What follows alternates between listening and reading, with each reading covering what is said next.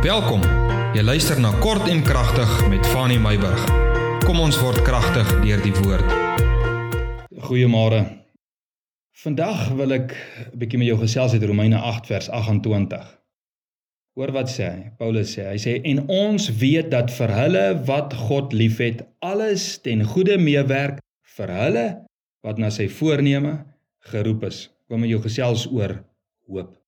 Gedurende hierdie vakansietyd het ons met iemand 'n bietjie gesels wat regtig 'n ontmoeting met die Here gehad het en die Here het vir hom die verskil tussen menslike verwagting en hoop op God getoon.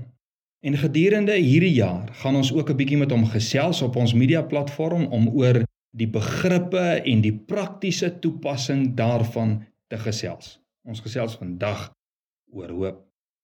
Want in konteks van ons groot begrip van blydskap, vreugde in die Here, wil ek met jou praat oor hoop as 'n bron van ons blydskap. Hoop in die Here, nê? Juis omdat blydskap ons gonswoord vir die jaar is. Weet jy wat? 'n Hopelose mens het geen blydskap nie, maar iemand wat hoopvol lewe is 'n vreugdevolle en 'n positiewe mens. In kort, blydskap is die resultaat van hoop.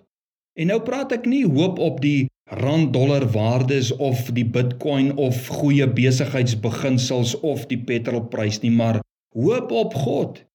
Hoop op God is 'n onbeperkte begrip. Ons gaan hierdie jaar daaroor gesels. Want God is onbeperk.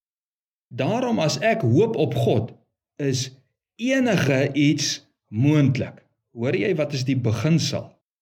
Hoop op God enige iets moontlik. So as ek hoop op God, het ek rede tot blydskap want alles sal ten goeie meewerk vir diegene wat hom liefhet.